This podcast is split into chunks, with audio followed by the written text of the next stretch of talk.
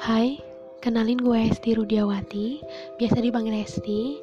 Uh, mulai saat ini sampai ke depannya, gue bakal share podcast gue tentang masalah persahabatan atau romance or something.